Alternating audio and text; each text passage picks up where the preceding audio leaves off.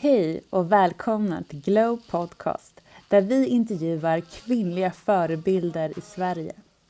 Vi är nu så glada att i tio veckor framöver ha med oss en stark sponsor, nämligen Stronger. Stronger erbjuder unika, snygga och färgglada träningskläder för kvinnor. Och jag har redan innan detta använt deras träningskläder för att jag tycker att de gör träningen roligare. Och för att transformera min pepp över att få in dem som sponsrar denna podd kommer jag att utmana mig själv i en 10 veckors träningsutmaning. Jag ska på 10 veckor klara att göra 10 armhävningar på tå, springa 5 kilometer under 30 minuter, kunna sätta i fingrarna i marken ståendes med raka ben. Min 10 veckors utmaning kan ni följa på glow.se i podden Glow Snack eller på mitt Instagram, Maria Högberg officiell. Och vill ni också känna er bekväma i Strongers fantastiska träningskläder så gå in på deras hemsida stronger.se och givetvis har vi en rabattkod. 20 glow ger er 20% rabatt på ert köp. Nu blir vi starka tillsammans och kanske vill ni också sätta upp en 10 veckors utmaning utifrån dina förutsättningar. Men nu startar vi veckans avsnitt. För hundra år sedan fick svenska kvinnor använda sin rösträtt för första gången. Men bara för sex år sedan blev Ebba Busch borträknad i medias diskussioner om vem som skulle bli Kristdemokraternas nya partiledare. Anledningen var att hon var gravid. Hennes politiska engagemang föddes tidigt ur viljan att skapa förändring inom offentlig sektor efter negativa erfarenheter hennes mamma och mormor upplevt i stunder när de behövt stöd. 2010, 23 år gammal, blev Busch som den yngsta någonsin vald till kommunalråd i Uppsala kommun och 2015 blev hon, graviditeten till trots, vald att leda Kristdemokraterna. Idag pratar vi om hur det kändes att bli kallad oaktuell för att hon var gravid, hur hon relaterar till rollen som partiledare och mycket mer. För Ebba Busch är en av våra framröstade kvinnliga förebilder 2021. Men hej och varmt välkommen hit Ebba! Tack så jättemycket! Jag tänkte att vi skulle börja med att checka in tillsammans. Så det tänkte... låter smått terapeutiskt. Ja, det är där du sitter nu, i terapistolen. Men så hur mår du idag på en skala 1 till 6? Där 1 så mår du jättedåligt och 6 så mår du jättebra. Då skulle jag ändå ge det en femma faktiskt. Det är, mm. det är, en, det är en, stark, stark dag. Eh, så. Jag har sovit uruselt i natt tack vare mina eh, små underbara troll till barn. Men vi har haft en fin morgon och det är en väldigt intensiv dag. Det är knappt som man hinner med, men jag får göra eh, massa vettiga saker. Jag får mm. lov att jobba med det jag vill jobba med och lägga min tid på. Och då känns det meningsfullt och bra och eh, ja, därför är det en bra dag. Mm. Mm. Och vad är det du har fått gjort idag då, som känns meningsfullt? Men dels så, så här i pandemitider så är det lite extra lyxigt att jag har fått lov att eh, komma in ifrån landet utanför Uppsala där jag vanligtvis eh, bor och sitter och jobbar hemma. Eh, så har jag fått lov att komma in till Stockholm och komma in till riksdagen. Eh, träffa lite medarbetare, men framförallt har jag gjort ganska mycket intervjuer. Eh, dels om hur Sverige ska klara klimatomställningen och trygga en utsläppsfri energiförsörjning. Eh, komplext men roligt ämne ändå om man är taggad på att vi ska till exempel kunna köra alla bilar på el. Mm. Eh, och sen så har jag gjort en större intervju men egentligen kring vad vi ser är de viktigaste frågorna inför valet. Vad, vad en regering som vi kan tänka oss att vara med i, vad kommer den att prioritera för frågor? Och sen håller vi på med jätteny, jättemycket ny politikutveckling eh, kring jämställdhet, kring eh, klimatfrågor och brottsbekämpning. Och det är jättemycket av det som ska dömas av idag. Så att eh, det är högt tempo men, men roligt. Mm. Och vi kommer återkomma lite till det kan jag tänka mig senare. Mm. Eh, men du är här idag för att du är framröstad till en av eh, årets kvinnliga förebilder. Jättehedrande och roligt. Mm. Mm. Ser du dig själv som en förebild? Men oavsett, alltså jag går inte runt och tänker på mig själv som en förebild, men jag vet att jag de facto är det. Eh, och så kan man vara en bra eller dålig förebild. Eh, men för mig själv så är det otroligt viktigt att ha människor som, oavsett om jag kanske håller med dem om allting eller att mm, oavsett om jag tittar på dem och tänker att ja, men det är ju så jag lever mitt liv. Det behöver inte nödvändigtvis vara den typen av igenkänning, att man ändå kan bli inspirerad och lyft utav andra, andra människor som ger en, ger en mod, hopp om att det går att förändra eh, och som inspirerar på olika sätt. Och eh, det vill jag gärna vara om jag kan vara. Och jag märker inte minst i mycket av de dialoger som jag har med människor som jag till och med inte känner alls i sociala medier att, eh, att det är en del, att man ger den sortens energi till varandra och det, det känns ju väldigt bra faktiskt. Mm. Känner du att du alltid liksom räcker till? Nej, absolut Nej. inte. Och jag, jag tror väl att det finns mycket i... Jag tror att det är viktigt att också för sin egen del konstatera att man kan inte alltid räcka till. Um, och fundera på vad är det som gör att man ändå då till syvende och sist tycker att saker och ting är värt det. Vad, vad får kosta och vad är det för liksom, negativa sidor utav det man kanske till exempel jobbar med som gör att det inte är värt det. Ehm, för att även om man lyckas med någon slags yttre framgång mår man inte bra i det. Ehm, tycker man att det är annat som har fått ta för mycket stryk, ja då kan man ju fråga sig om det är värt det. Men jag tror att en viktig del i att vara, försöka vara en god förebild, det är ju också att heller inte ge sken av att allt är perfekt. Alltså, man vet att alla människor bär sitt. Och jag försöker vinnlägga mig om att, utan att bli alltför privat, ändå öppna upp lite granna kring det att jag räcker inte alltid till, man får inte alltid ihop dagen, man mår inte alltid bra. Och det är också okej. Okay. Det är väl något klassiskt idag bevingat tacktal ifrån Sara Danius där hon sa någonting i stil med att jag vill tacka jag vill tacka alla kvinnor, alla starka kvinnor, alla svaga kvinnor och alla förnuftiga män, tror jag att hon sa. Jag blev själv så otroligt berörd av det där. Jag vill tacka alla starka kvinnor och alla svaga kvinnor. Att våga bredda definitionen lite grann utav vem som... Vad innebär det att vara stark eller innebär det att vara en förebild? Ja, det betyder inte att man inom citationstecken alltid måste vara stark. Nej. Du pratar ju om det att man inte kan räcka till överallt, men vart behöver du räcka till någonstans? Alltså i, i slutet av dagen, det enda som egentligen betyder någonting för mig, det är mina barn.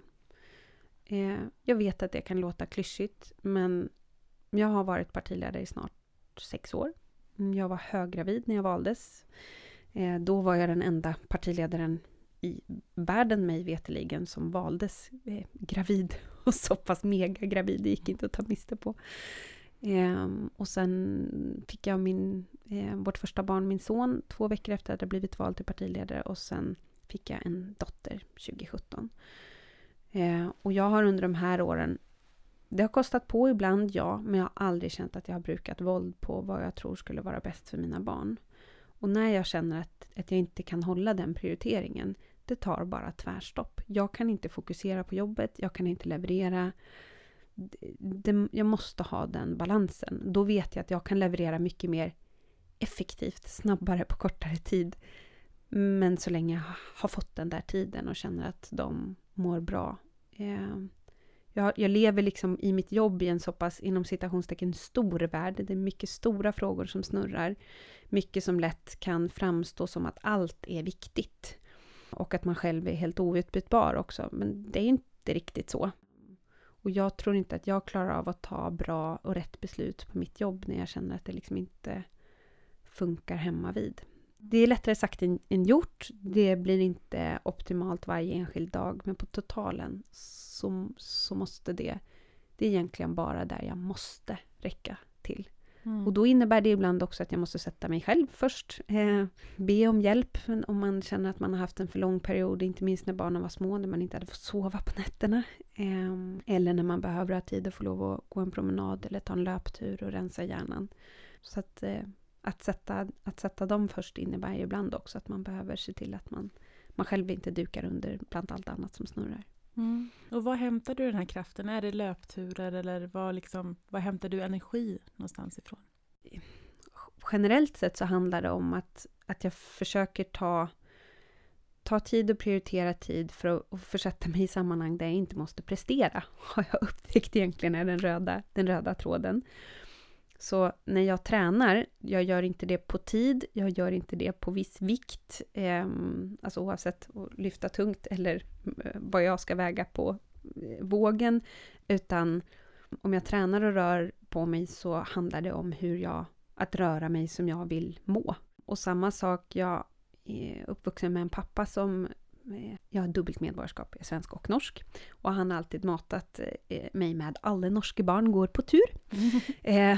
så att närheten till naturen och att vara mycket ute i skogen och som sagt att jag bor på landet och har min bas där, min borg i, i tysta skogen, det, det är jätteviktigt för mig. För rör jag mig där, jag jagar en del, det, det kräver eh, min fulla koncentration och att jag lyssnar, tar in vad som händer runt omkring mig som inte har att göra med allting som rör sig i den där andra jobb, jobbvärlden. Mm. Eh, och det, det är en viktig del i att skapa tystnad och lugn som gör att jag kan kalibrera om och hitta vad är det jag tycker är viktigt egentligen? Ibland när man har gjort ingenting, det är då det, det, är då det rinner till den där lösningen. Det är så här jag ska göra, det är så här jag ska navigera. Liksom. Mm. Och hur mycket får du bestämma själv över din egen tid? Det är ju, jag tror att det är många som kan känna igen sig i att man lätt blir fånge i andras agendor och kalenderpusslet är ju liksom det är en helt egen vetenskap. Mm. Men med jämna mellanrum så har jag ju fantastiska kollegor att bolla med, där vi säger vad, vad måste gå först nu? Vad är det vi verkligen, verkligen måste ha tid för att lyckas med på jobbet? Och vad är det jag behöver ha tid för mm, privat för att jag ska kunna leverera på jobbet också? Um, så att en del är väldigt, är väldigt styrt utav fasta möten, men det andra försöker jag ha en tydlig plan för vilka frågor jag vill prioritera eh, både jobbmässigt och privat och då, då funkar det helt okej. Okay. Jag skulle inte ge det en sexa på en skala 1 till 6, nej, men då nej. funkar det helt okej. Okay. Mm. Mm. Är du någon gång uppe där måendemässigt på en sexa? Ja, eh, det är jag. Mm. mm. Jag, vet inte, jag vet inte hur folk, om folk brukar våga skatta sig själva på en sexa när de sitter i, i din stol här, men jag tror ibland att vi har en överdriven liksom, föreställning kring hur bra man ska må för att må bra. Eh, och en överdriven förväntan på att må bra jämt eller att andra mår bra jämt. Och jag har väl försökt hitta någon slags... pratade mycket med vänner eh, kring det förra sommaren. Att jag konstaterade så här, jag, jag skulle gå så långt som att säga att jag är lycklig nu. Jag har gått igenom en, en turbulent eh, period. Det har varit skilsmässa och annat. Men jag skulle säga att jag är lycklig. Jag är inte glad jämt, men jag är lycklig. Jag känner att jag har mer mina prioriteringar i ordning eh, och att jag har liksom fast mark under, under fötterna, kan gå liksom rak i ryggen med huvudet högt, vet vad jag tycker är, är viktigast. Eh, och då, då är det bra. Och då är det okej att man inte mår bra jämt. Eh, men man kan ha det bra ändå. Mm. Så. Och jag, jag tycker att det är, vikt, det är en vikt, viktig del att prata om också, för att jag tror inte minst också så här, sociala medier och annat. Man ser ju ofta grädden utav människors liv hela tiden och sen lägger man ihop det, så man sett kanske 50 människors liv grädden utav grädden i de människornas liv och så lägger man ihop det. Och så sitter man där själv med sin egen liksom, tvätt och stökiga rum och misslyckad läggning och eh, har kanske stora frågetecken kring vad det nu kan vara för någonting i ens liv. Och då känner man sig otillräckligt på ett osunt sätt. Mm. Ehm, det tror jag är farligt. Mm. Men påverkas din roll som partiledare utav ditt mående? Om du, du känner att du är lycklig nu, men har gått igenom en turbulent period? Gud, vilken bra fråga på ett sätt så är det så att 2019 så gick det ju... Det har inte gått så bra för mitt parti eh, som det gjorde då på 20 år. Då var vi uppe på nästan 13 procent under våren 2019. Mm, men jag mådde inte jättebra privat. Eh, då hade jag en jättetuff eh, period. Å andra sidan så, jag mådde inte bra, men jag visste i många delar var jag var på väg någonstans och och ehm, hade landat i vad jag tyckte var viktigt och vad jag trodde att det skulle innebära. Så att på det viset så är väl det ett bra exempel på att man måste inte alltid må bra för att ha det bra. Och även när man gör saker som är rätt så kan det vara otroligt svårt. Eh, och det är väl därför jag kommer tillbaka lite grann till den här överdrivna tron eller mm, det här uppumpade förhållningssättet kring att allt ska vara så himla bra hela tiden. Vad, vad innebär det? Vad, vad lägger man i det då egentligen? Eh, samtidigt som jag har haft ett av mina bästa år privat förra året, men då har vi haft en rejäl knäck i opinionen och i, i våra siffror. Liksom. Mm. Men jag vet ju att, att jag mår bra eller att jag känner att jag har ordning på vad som är viktigt och kan prioritera det. Ja, det är en förutsättning för att jag ska kunna göra ett bra jobb. Och att jag kan göra ett bra jobb, det är en förutsättning för att jag ska lyckas på mitt jobb också. Och att mitt jobb lyckas. Mm. Så det är klart att det hänger ihop, men alla stjärnorna står inte, står inte i rad samtidigt nödvändigtvis. Mm. Och om man ser då på, på Sverige, hur mår, hur mår vi? Och vad vill du förändra i det? Mm. Jag skulle säga att mm, Sverige är lite på vänt just nu. Eh, dels på grund av pandemin, men också för att jag tror att det finns en, en, en liten vilsenhet i vad är vi? Vad är viktigt? Och jag hoppas ju att det kan komma en lite mer...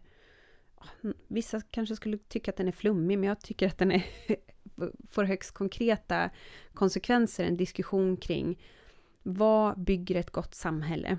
Vad är det som gör att människor vill bete sig väl gentemot andra? Vill möta en främling, vill vara ett välkomnande land gentemot andra? Eh, vad är det som gör att människor vill investera för framtiden här? I en bättre framtid för sig själv och sina barn än vad man själv kanske hade från början. Eh, men också i att våga men, satsa pengar på att starta företag och få dem att växa och så och bygga landet starkt för framtiden. Vad är det som gör det? Och det är någon slags, tror jag, både värderingsdiskussion men syn på samhällsgemenskap som jag tror att det kommer att finnas bättre förutsättningar att prata om efter pandemin. För att vi märker hur mycket vi är beroende av varandra, hur mycket vi påverkas av att inte kunna träffas och jobba och socialisera och underhålla våra vänskapsrelationer och våra familjerelationer på samma sätt. När man inte har kunnat krama om sin, sin äldre släkting eller den där bästa väninnan som har gått igenom en, en tung period. Och det, det tror jag är en viktig, kanske lite mer så här, idémässig diskussion. Men politiskt så tror jag att vi står inför ett vägskäl kring vad är viktigt? Politiken har velat så mycket. Och nu pratar jag alltså, brett. Alla partier har velat lova så mycket. Så till den milda grad att vi har gått lite vilse i vad är viktigt för att Sverige ska funka. Ehm, och det tror jag att det finns en, börjar bli en, liksom, en öppenhet för det i fler partier. Att okej, okay, vad, vad ska vi göra nu för att människor ska kunna känna att man kan lita på välfärden, lita på att Sverige funkar. Att det finns en plats på äldreboendet för ens gamla mamma den dagen hon kanske behöver det. Eller man kan lämna på förskolan utan att ha en klump i magen för om det kommer att finnas tillräckligt med personal för att se mitt lilla barn under dagen. Eller den dagen man kanske drabbas av svår sjukdom, om man kommer få den där världsrenommerade vården som, som finns i svensk sjukvård. Kommer den att finnas tillgänglig för en eller kommer man hamna i en lång vårdkö?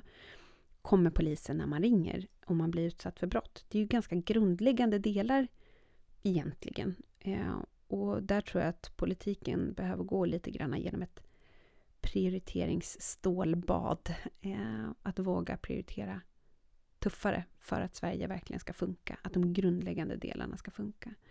Och där mår vi ganska dåligt tror jag faktiskt, mm. när det kommer till det. Mm. Eh, och hur liksom, vad, vad, vad är de största hindren för att vi ska kunna må bättre och vi ska kunna få det som du eh, pratar om?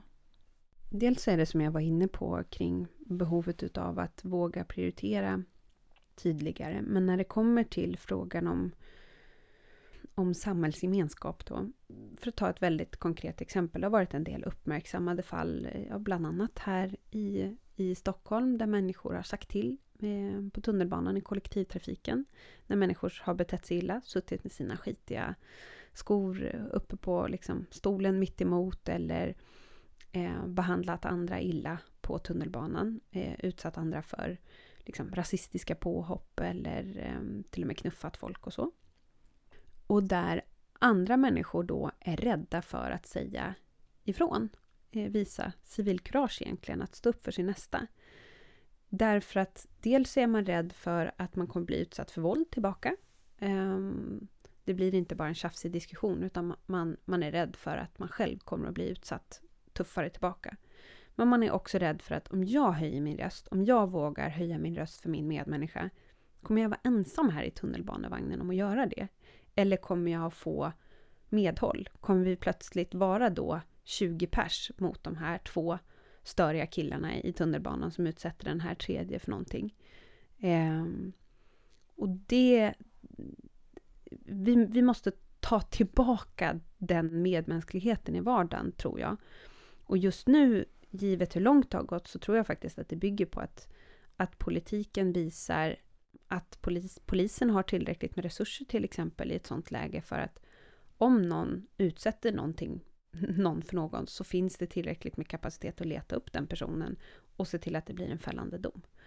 Eh, det är samma sak som hela metoo-rörelsen. Alltså det var ju ett sånt enormt stort ögonblick att ta del av alla vittnesmål med kvinnor som vågar berätta i vissa fall flera år efter att det hade hänt vad de hade blivit utsatta för av sexuella övergrepp till exempel. Samtidigt gick polisen ut och sa att just nu kan vi inte utreda ens våldtäktsfall där vi har en misstänkt gärningsman. Eh, därför att vi har för många mord att hantera.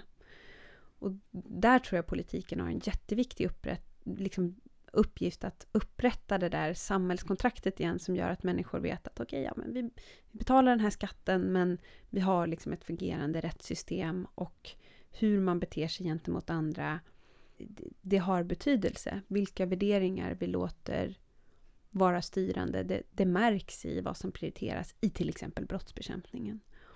Mm, så det, det tror jag liksom är en viktig politisk liksom konsekvens som ble, behöver bli till följd av den situation jag har nu. Då. Mm. Och om vi kommer in på um, just det här med rädsla och övergrepp och, och sånt så har vi varit inne i en period där man pratar mycket om att um, kvinnor blir instängda med sina förövare mm. i hemmen. Vad mm. tror du vi kommer se för effekter utav, utav det framöver? Ja, vi mm, hade ju många anmälda fall förra året och jag tror inte att det finns, sitter i liksom medvetandet hos gemene man att var tredje vecka så mördas en kvinna utav en närstående till henne som hon antingen har varit i en relation till tidigare och tagit sig ur eller av en man som hon bor med.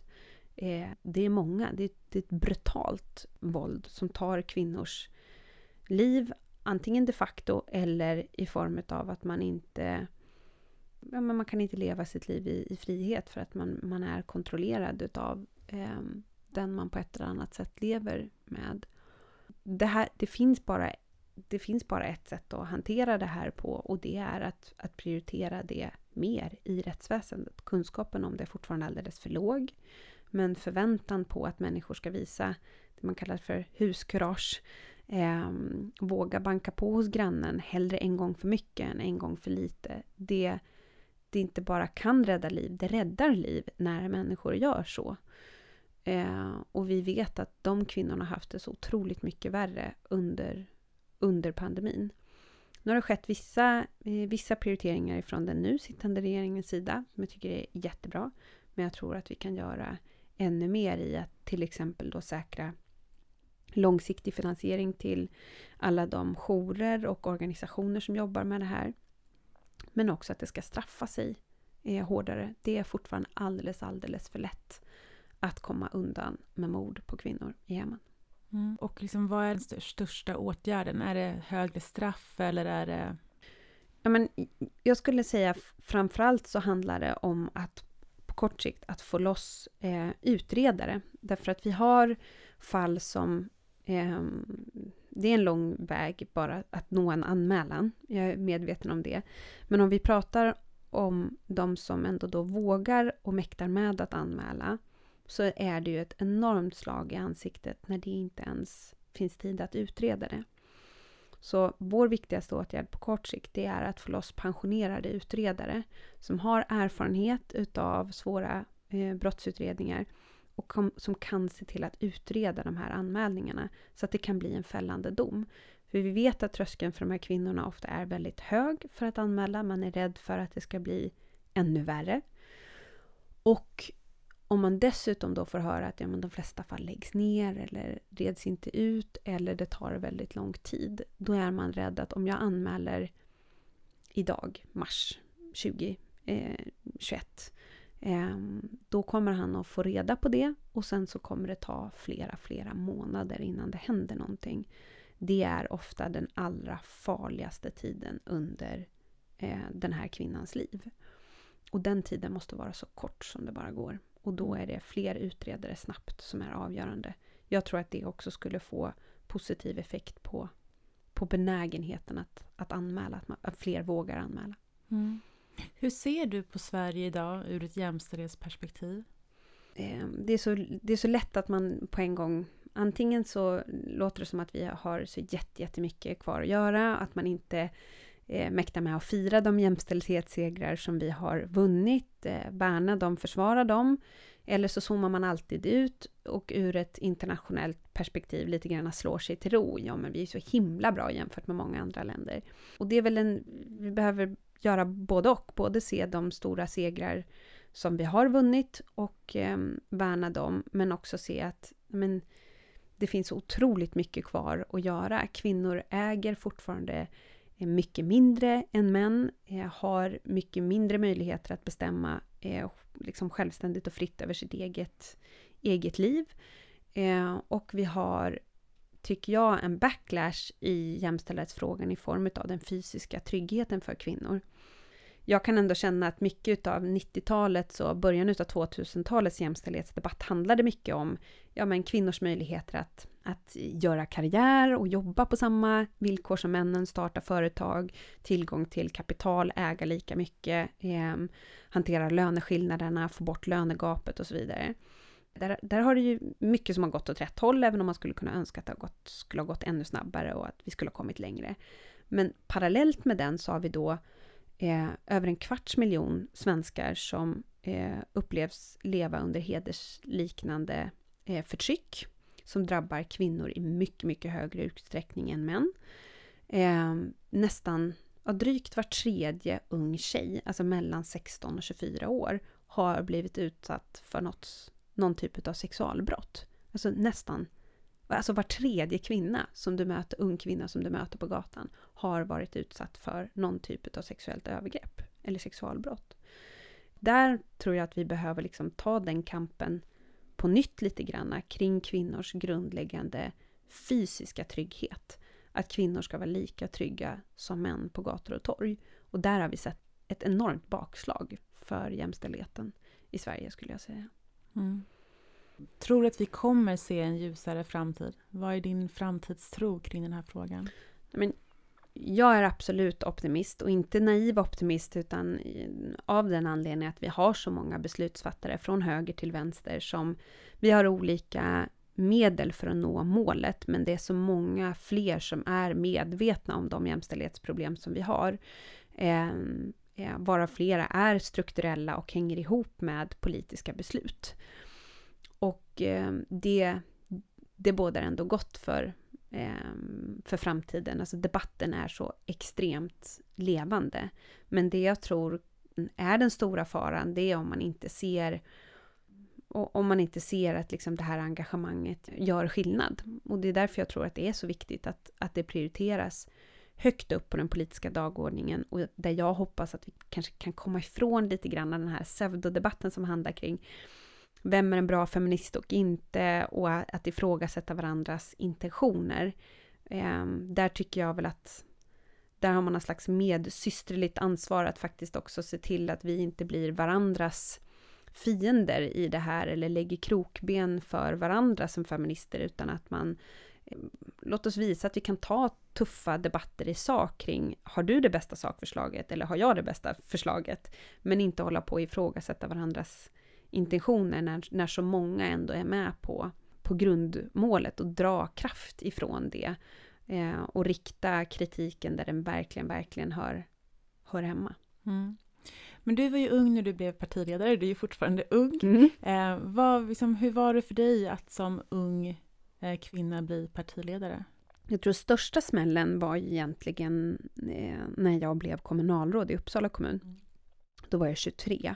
Då var det ju, alltså av varenda möte så behövde man på ett eller annat sätt adressera att man var den här unga blonda tjejen som det, man bara kände att man kom in med en nidbildsförståelse utav vad det innebär. Eh, så. Och att man alltid fick väldigt, väldigt snabbt eh, hävda sig och visa att man hade järnkoll på siffrorna, eh, järnkoll på vad man pratade om och att man bara vägrade ta bullshit. Alltså eh, markera snabbt och hårt tidigt.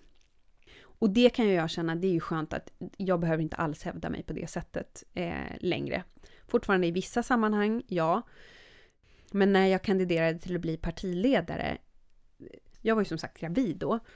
Jag hade ju inte bestämt mig för om jag ville kandidera eller inte. Det var flera medlemmar i, i KD som sa ja men jag kan tänka mig att bli partiledare. Så hade man liksom en egen process för det där medlemmarna sen 25 000 stycken skulle rösta om vem de ville ha som ny partiledare efter då tre manliga partiledare. Och då var det fascinerande att slå på TVn och så höra politiska kommentatorer säga att ja, en möjlig kandidat det är ju Ebba Busch, men hon väntar barn så hon är inte aktuell. Och sen gick man vidare. Alltså då, jag blev vansinnig. Det måste väl ändå få lov att vara mitt beslut. Alltså apropå hur långt vi då har kommit i Sverige kring ja, men, kvinnans rätt att bestämma över sin egen kropp eller sitt eget liv. Här var jag plötsligt diskonterad och borträknad för att jag var gravid. Eh, Blev det avgörande för dig då?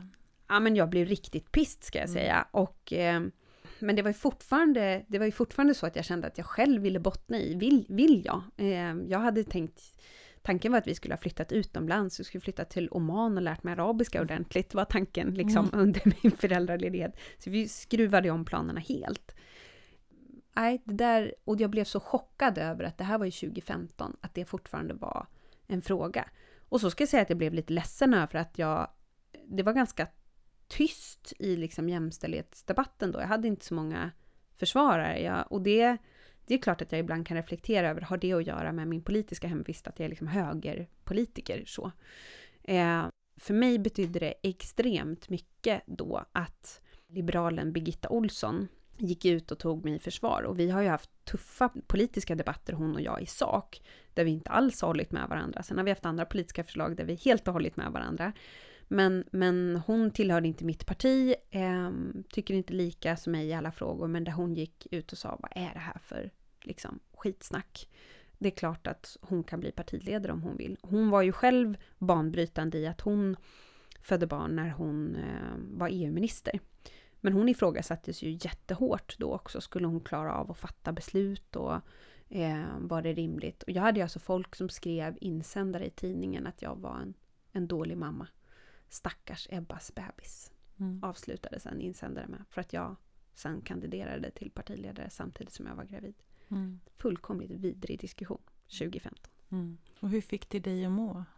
Nej, men då mådde man ju riktigt dåligt. Och då, det är klart att när man har människor som säger så runt omkring en, och jag hade ju ännu inte blivit mamma. Jag hade ju inte blivit förälder. Det är klart att man undrar så här, har de, har de rätt? Man hade inte den typen av självförtroende. När jag födde mitt andra barn, då hade jag mycket lättare att trycka tillbaka och, och bara säga, men nu, nu får ni ge er. Det är jag som är mamma till mitt barn, inte du. Ehm, så jag kommer att läsa av vad som funkar för mig, vad som funkar för min lilla bebis eh, och vad som funkar på mitt jobb. Och då var jag ju mycket mer frimodig med att till exempel ha med henne och så att jag ammade under en sjal under möten med ambassadörer och företagsledare och allt möjligt. För att eh, jag känner mig trygg med att det funkade. Och då funkade det också.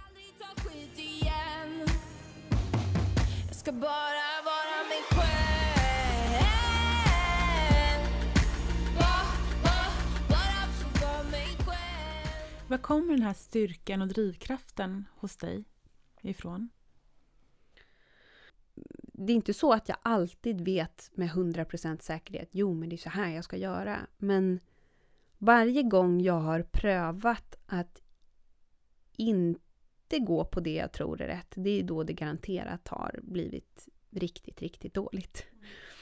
Och jag tror att det är viktigt att man vågar gå sin egen väg och att vi är flera som vågar liksom bryta normen med hur man får vara som kvinna, hur man får vara som mamma, hur man får vara som ledare.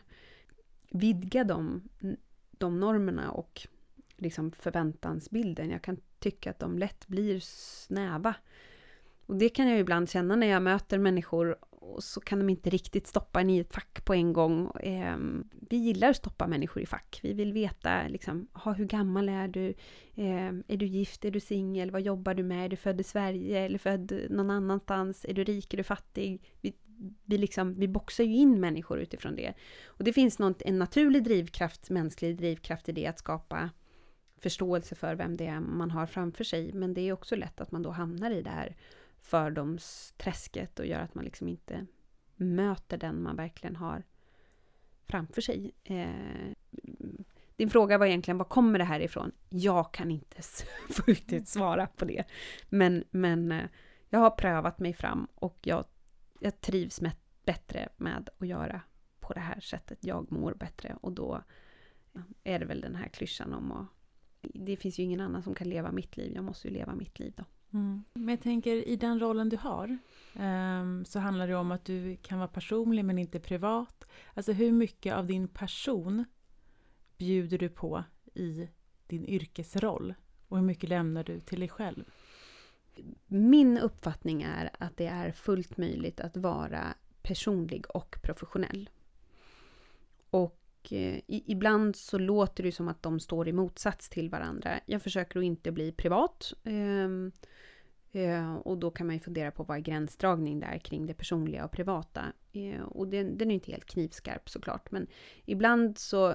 Jag har ju kollegor som snarare ser på förtroendeuppdraget som politiker eller som partiledare som en, en kostym man tar på sig. Så är man på ett sätt på jobbet och helt annorlunda hemma eller i en privat setting. Och det är klart att man kommer ju uppleva mig annorlunda om man bara har sett mig i en duell mot Stefan Löfven när jag är eh, riktigt upprörd över till exempel vårdköerna och att det händer för lite. Kontra om man träffar mig i ett mingelsammanhang eller när jag är i lekparken med mina barn. Eller i skogen för den delen. Men, men det, är fortfarande, det är fortfarande jag. Eh, sen är det liksom olika aspekter utav samma person. Men för mig är det viktigt att känna att jag hänger ihop. Jag ser inte partiledaruppgiften som en kavaj som jag tar av och på. En del trivs med det för att då är man sitt professionella jag och sen är man sitt privata jag.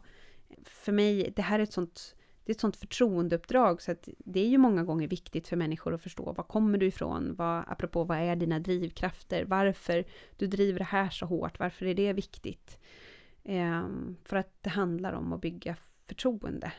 Och jag mår bra utav att känna att det hänger ihop och att jag inte behöver det inte finns en för snäv förväntan på att jag måste vara på ett sätt på jobbet och absolut inte kan få lov att vara mer utav den jag är, utan bara måste ge en liten, liten slice. Det, det, det funkar inte för mig. Mm. Så det, det, kan få vara li, lite flytande och sen mm. så finns det en väldigt tydlig gräns kring vad jag kanske tycker blir alldeles för privat. Ja, för det är det jag tänker, du är ju framröstad som en, en förebild mm. eh, för, för många, men du får ju också motstå väldigt mycket kritik mm. i olika... Vad, vilken kritik är det som tar hårdast på dig? Men det är den som handlar om mm, att man ifrågasätter intentioner. Alltså när man går på personliga på. Jag tål ju väldigt mycket kritik i sak. Så jag tycker inte en del personer tycker att det är jobbigt med politiska debatter. det låter som att ni är arga på varandra. Ja, men det, det finns lite passion, det är väl positivt. Jag tycker ofta att det blir för mjäkigt, att man inte vågar säga att, ja, men vågar såga liksom, förslag fullkomligt sönder och samman, om man har bra argument för det. om man verkligen kan argumentera för sin sak, ja men gör det då. Give it your best shot liksom, så ska jag svara upp emot det och förklara varför jag tycker att mitt förslag är bättre. Jag, jag tycker att det är frejdigt, jag är liksom inte rädd för den sortens sakkonflikter. Men när det går på person och att man försöker fula ut och måla upp att det skulle finnas dolda intentioner eller inte tar mig på orden när jag säger att det är på ett sätt. Jag har ju till exempel, alltså under hela tiden jag har varit politiskt aktiv har jag fått frågan men är du inte egentligen emot abort? Och jag fattar liksom inte var det kommer ifrån. Jag blir skogstokig varje gång den diskussionen kommer upp och jag uppfattar att det finns, där finns det liksom ett intresse utav att måla upp en konflikt som jag menar inte finns till exempel. Ehm, eller vem som är god och ond i, i svensk politik. Men allra värst, det är ju såklart när det blir sådana personliga påhopp som det som var när jag mm, kandiderade till partiledare. Att jag skulle vara en dålig mamma för att jag är politiskt engagerad. Det är ju ja, det är, så, det är långt, långt över gränsen. Mm. Och det är klart att de dagarna det blir mycket sånt och det blir det i perioder. Det tar jag är stark men inte gjord av stål. Eh, verkligen inte. Och då behöver man ha tid att andas. Alltså då är det lätt att känna att det, att det blir lite and, andnöd. Eh, att det trycker över bröstet och att det är liksom människors åsikter och tyckanden kommer väldigt tätt inpå. De dagarna är riktigt tunga, ja. Mm. Känns det ibland som att du har krav på dig som är omänskliga? Ja, sen försöker jag ju sortera det själv så mycket jag kan. Men det är mycket som ska hinnas med i olika format av olika slag. Och det är mycket man själv vill åstadkomma politiskt och lyckas med. Och så vara på ett sätt som mamma och vän och så. För mig, så som jag försöker sortera det i huvudet då, det är egentligen det här klassiska skillnaden på vad är självförtroende och vad är självkänsla. Och den har hjälpt mig så många gånger förut och fortsätter att hjälpa mig än idag. Självförtroendet går upp och ner beroende på hur jag presterar. Men jag har ett ansvar att försöka vårda den där självkänslan, den som gör att även när jag har de facto presterat dåligt på mitt jobb så är jag värd att tyckas om. Jag är värd att älskas ändå i slutet av dagen och att eh, värna det och komma ihåg att mitt värde inte sitter i bara vad jag gör. Jag är inte mitt jobb ur det perspektivet. Mm. Så vad är du? Vem är du?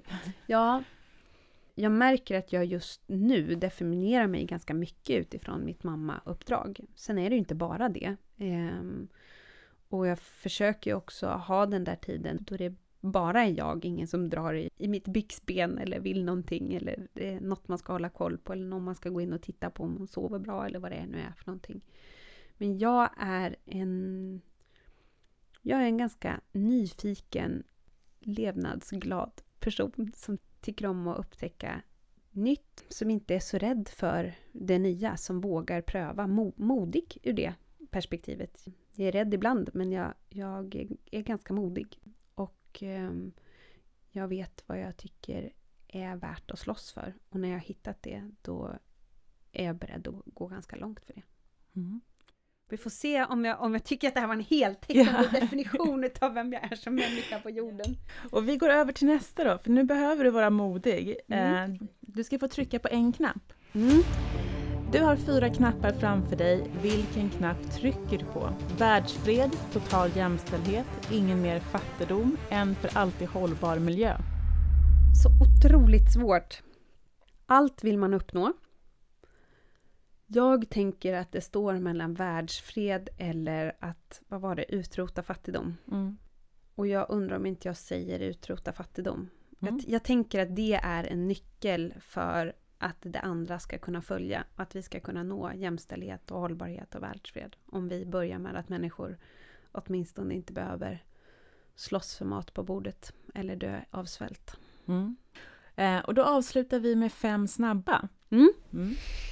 Om du skulle få bli partiledare för ett annat parti i en månad, vilket parti skulle det vara och vad skulle du då förändra?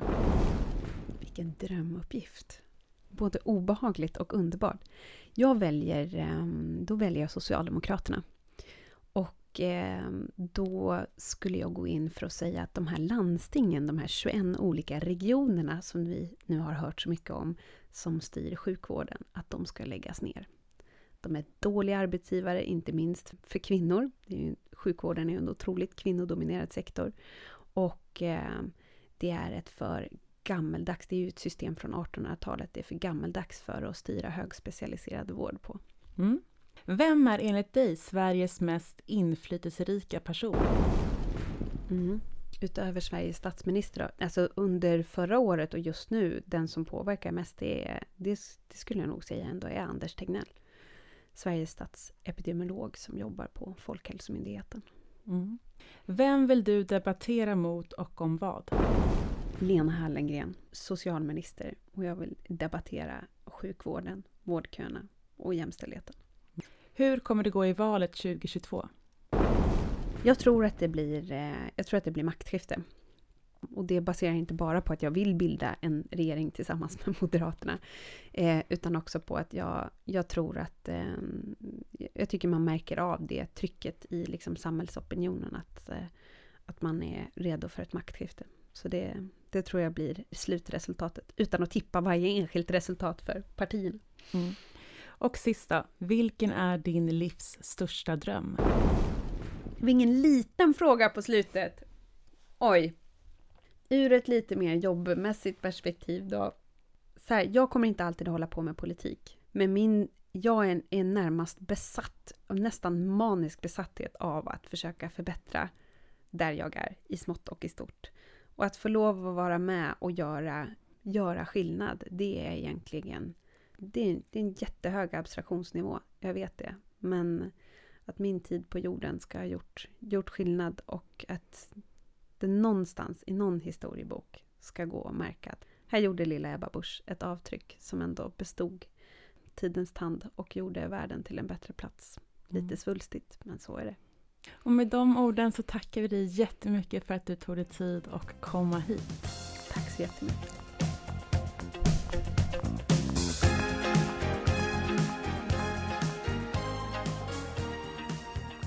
Och det var allt från intervjun med Ebba Busch och jag önskar er en fantastisk dag.